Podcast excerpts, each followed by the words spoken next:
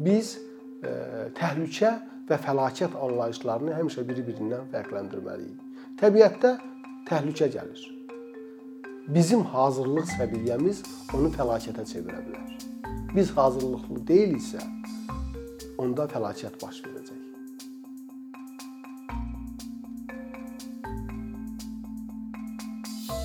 Və təsəvvür edək ki, e, hava çox soyuqdur, küləklidir. Siz bayıra çıxırsınız və isti paltar geyinirsiniz, isti ayaqqabı geyinirsiniz, başınızı yaxşı örtürsünüz və gedirsiniz. Nə olacaq? Heç nə olmayacaq. Bəlkə də o soyuq hava sizə daha yaxşı bir təsir bağışlayacaq. Yox əgər siz hazırlıqlı deyilsinizsə, paltarınız nazikdirsə, əyniniz nazikdirsə, ayaqqabınız e, qalın deyilsə, e, köhnədirsə, bu zaman sizə soyuq dəyə bilər.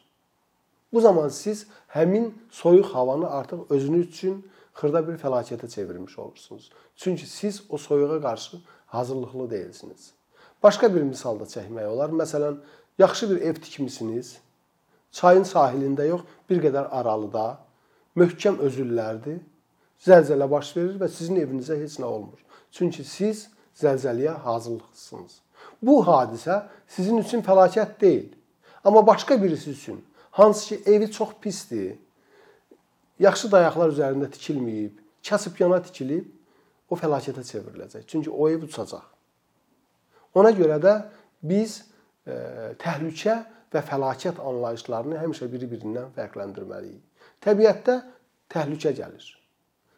Bizim hazırlıq səviyyəmiz onu fəlakətə çevirə bilər biz hazırlıqlı deyiliksə, onda fəlakət baş verəcək. Və məhz bu hazırlıqsız olmama vəziyyətinə biz zəiflik deyirik. Zəiflik nədir? Məsələn, onun müxtəlif tipləri var. Zəiflik təbiətdən gələn hər hansı bir təhlükəyə qarşı hazır olmama vəziyyətidir.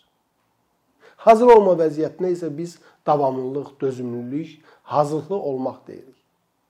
Məsələn, var fiziki zəiflik. Fiziki zəifliyə aiddir binaların vəziyyəti. Bina zəif tikilibdir, dayaqlar zəif deyil, yaxşı qumdan və sementdən istifadə olunmayıbdır. Buna biz deyirik fiziki zəiflik. Bir də var sosial zəiflik. Sosial zəiflik nədir? Sosial zəiflik sizin özünüzün hazırlıq səviyyənizdir. Məsələn, zəlzələ baş verəndə siz hansı işləri görərsiniz? Nə etməlisiniz? Biz məktəblərdə təlim keçəndə həmişə deyirdik ki, uşaqlara partanın altına girmək lazımdır. Çünki yuxarıdan düşə bilən əşyalar sizin başınıza dəyməsin. Və ya qapının tininin altında dayanmaq lazımdır. Çünki qapının tininin altına heç nə düşmür və çərçivə adətən möhkəm olur. Bu artıq nədir? Bu fiziki hazırlıq səviyyəsi deməkdir. Bu həm də sosial hazırlıq səviyyəsi deməkdir. Sosial hazırlığa həm də sizin ətrafınızda olan insanların hazırlığı aiddir. Yəni e, qonşularınız, qohumlarınız bu vəziyyətə nə, hansı səviyyədə aiddirlər, hazırdırlar? Onlar sizə necə kömək eləyə bilərlər? Əgər hazırlıq çox güclüdürsə, bu zaman əlbəttə ki, e, heç bir fəlakət baş verməyəcək. Xırda bir misal çəkim. Məsələn, Amerika Birləşmiş Ştatları məktəblərində hamısında demək olar ki, aşağı siniflər, xüsusilə 1-ci siniflər həmişə 1-ci mərtəbələrdə yerləşdirilir. Və binalar elə tikilib ki,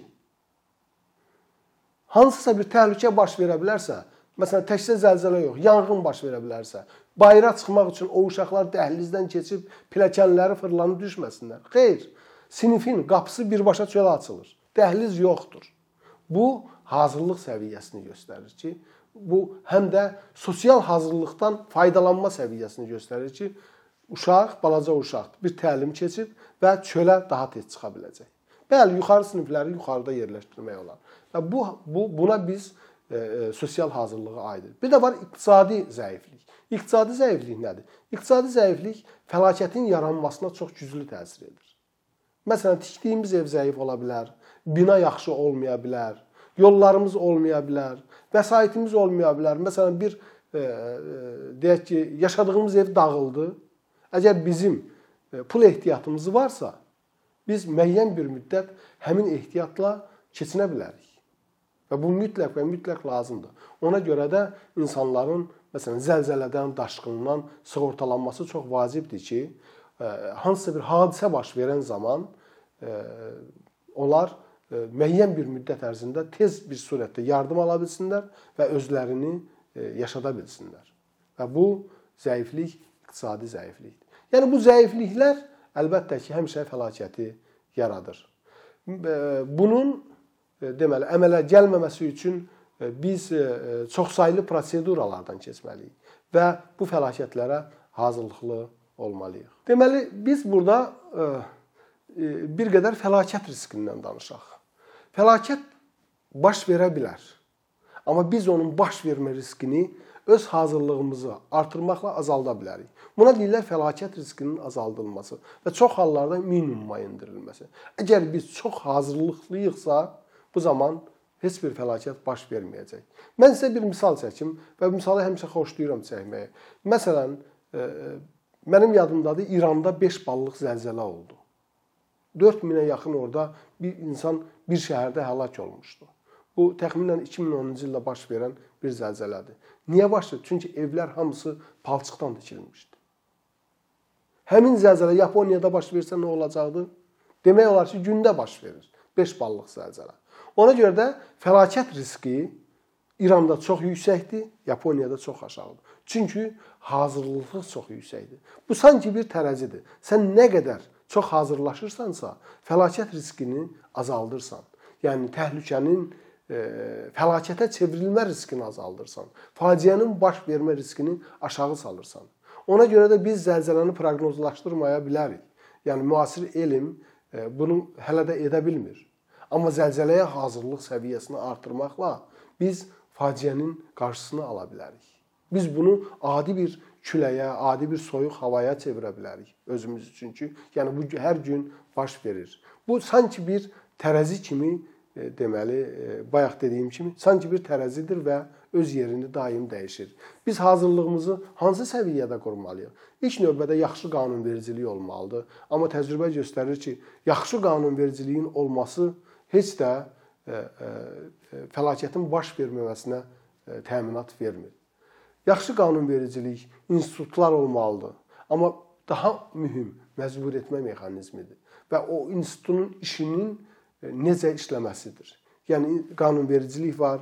Bu qanunvericilikdən irəli gələn müddəalara e, deməli aparan məcbur etmə mexanizmi varmı? Hər bir bina tikiləndə e, Fövqəladə Hallar Nazirliyinin əməkdaşı gəlir, onu yoxlayır, betonun davamlılığını yoxlayır Amma bu işlər hansı səviyyədə aparılır? Biz bunu faktiki olaraq bilmirik. Məsələn, beton tökülürsə, o betondan nümunə götürülməlidir. O nümunə qurudulmalıdır və müxtəlif belə deyək təzyiqlərə məruz qalma ilə onun möhkəmliyi yoxlanılmalıdır. Yəni bu şkalalar hökmən aparılmalıdır. Çünki betonun e, nə qədər möhkəm olması binanın dayanıqlılığına zəmanətdir. Bu adi bir e, prosedurdur və bu fəlakət riskinin e, azalmasına səbəb ola. Buna deyirlər struktur hazırlıq. Struktur hazırlıq məhz binada vəziyyətin elə bir həddə gətirilməsidir ki, nə isə baş verərsə o deməli faciə baş verməsin. Məsələn, təsəvvür eləyin ki, bu oturduğumuz otaqda yanğın baş verir. Bu yanğının başqa otaqlara keçməsi hansı səviyyədədir? Yaxşı binalarda qapını örtmək kifayət eləyir ki, yanğın lokallaşdırılsın və boğulsun.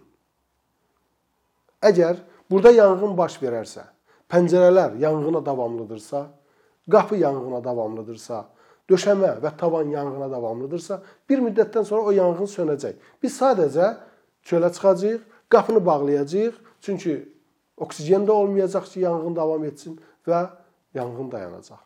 Yox əgər bizim qapı tez alışqandırsa, pəncərə davamlı deyilsə, pəncərə qırılacaq, qapı yanacaq və yanğın bütün binanı bürüyəcək. Məhz deməli inkişaf etmiş ölkələrdə, məktəblərdə olan bütün avadanlıqlar yanğına davamlı əşyalardan hazırlanır. Döşəmələr belə yanğına davamlı olur. Qapılar belə özü örtülən olur. Yəni bu baxımdan onlar görün fəlakəti nə qədər azaldırlar. Azərbaycanda belə bir yaxşı nümunə olubdu. Məsələn, Zakatala rayonunda Suvagil e, kənd orta məktəbi olub. Həmin məktəb uçub 2012-ci ildə tamamilə dağılıb zəlzələdən, amma heç kimin bir burnu da qanamayıb. Niyə? Səbəb nə olub? Çünki məktəb heyəti e, bu məsələyə çox həmişə e, ciddi yanaşıbdı. hazırlıqlı olublar. Sakitcə hər kəs e, binanı tərk eləyibdi və heç kimə heç nə olmayıb. Və o yəni ki, bu artıq e, belə deyək xatirələrdə yaxşı bir təcrübə kimi qalıbdı. Bəlkə də o bina uçanda məktəbdə bir müddət belə deyək ki, dərslər kəsildi, amma onu hamı yaxşı bir təcrübə kimi yadınızdadırmı? 2012-ci ildə zəlzələ oldu e, və biz necə çıxdıq çölə. Və bu yaxşı təcrübə hökmən başqaları ilə paylaşılmalıdır. Ona görə də bizim orta məktəblərdə, xüsusilə kənd məktəblərində çox geniş işlər aparmağa e, ehtiyacımız var. Bizim şəhərlərdə hər bir binanın yoxlanılmasına ehtiyacımız var. Ona görə də hər bir bina üçün xüsusi qiymətləndirmə şkalası olmalıdır. Hətta 50-ci illərdə tikilmiş bina üçün, həmin binalar üçün fəlakət riski hesablanmalıdır. Məsələn, biz bunu məktəb üçün hesablayırdıq 30 ballıq şkala ilə. Məktəb binası möhkəmdirmi? Məktəbdə yanğın avadanlıqları varmı? Məktəb heyəti bu barədə xəbərdardırmı? Bizdə məsələn binalarda belə deyək, hər bir şəxs könüllü olaraq e, bu e, təhlükəli hadisələrin idarə edilməsinə məsul olmalıdır. Onun daha çox biliyi olmalıdır. İnsanları xəbərdar etməlidir. Hardasa bir risk görürsə, o riski məhv eləməli, azaldılmalıdır. Risk necə yəni? Risk hər bir yerdə yanar. Əgər siz evin içərisində soba qoymusunuzsa, onun da yanında bir qalaq kağız yığmısınızsa, risk hazırdır. Yəni yanğın baş verəcək mütləq. Yox əgər o sobadan o deməli o kağızı həmişə aralı tutursunuzsa, risk yoxdur. Şkafların başında lazımsız əşyalar yerləşdirmisinizsə, bir balaca tərpənmə olan kimi o əşya kiminsə başına düşə bilər. Yəni bu nədir? Bu riskin hazır olması deməkdir ki, hansı siz bunu artıq yüksək bir risk yaradırsınız. Baxın, Azərbaycanda təkcə zəlzələ ilə iş tutan Azərbaycanda son illər ildə bir 10-15 dəfə eşidirəm ki, kimsə dəm qazından boğulub. Axı niyə boğulmalıdır? Yəni, axı bunun qarşısını almaq çox asan bir şeydir. Biz bilirik ki, hamamda qaz yandırmaq olmaz. Çünki karbon monoksid əmələ gəlir. Zəhərli qazdır, heç bir iyi yoxdur. İnsanı sakitcə, belə deyək, qanını zəhərləyir, qana oksigen daşınmasının qarşısını alır və insan hətta özü-özünə belə kömək edə bilmir. Bu niyə yoxlanılmır? Bütün yaşayış evlərində əməkdaşlar gedib, məsul əməkdaşlar gedib bunu yoxlamalıdırlar ki, bu baş verməsin. Yəni bunun qarşısını ki, almaq olar. Bax məsələn öz evimizi təmir eləyirik. Onsuz da biz qapıları dəyişirik, pəncərələri dəyişirik, döşəməni dəyişirik, tavanda elə biz ən azından yanğına dözümlü olan materiallar ala bilərik. Yanğına dözümlü qapı sifariş edə bilərik.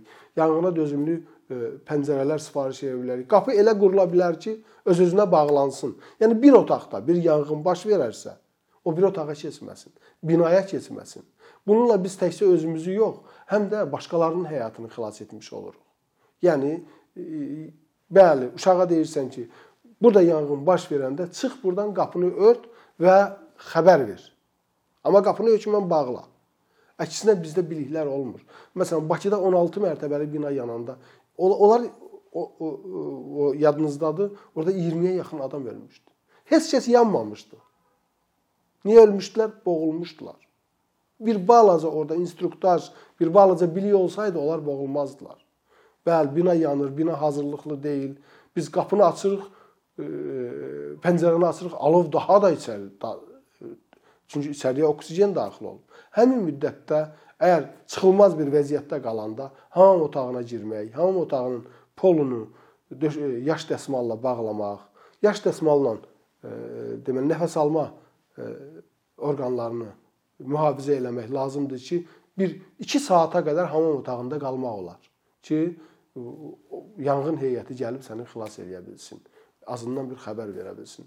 Yəni e, biz e, əlbəttə ki, e, çox danışırıq ki, gəlin zəlzələyə proqnoz verək, daşqınlara proqnoz verək, təbii təhlükələrə proqnoz verək. Bunlar öz yerində. Bu elmi məsələlərdir. Elm öz işini görür. Amma biz yadda saxlamalıyıq ki, hətta ən adi bir hazırlığımız belə bizi sabahki faciədən qurtara bilər.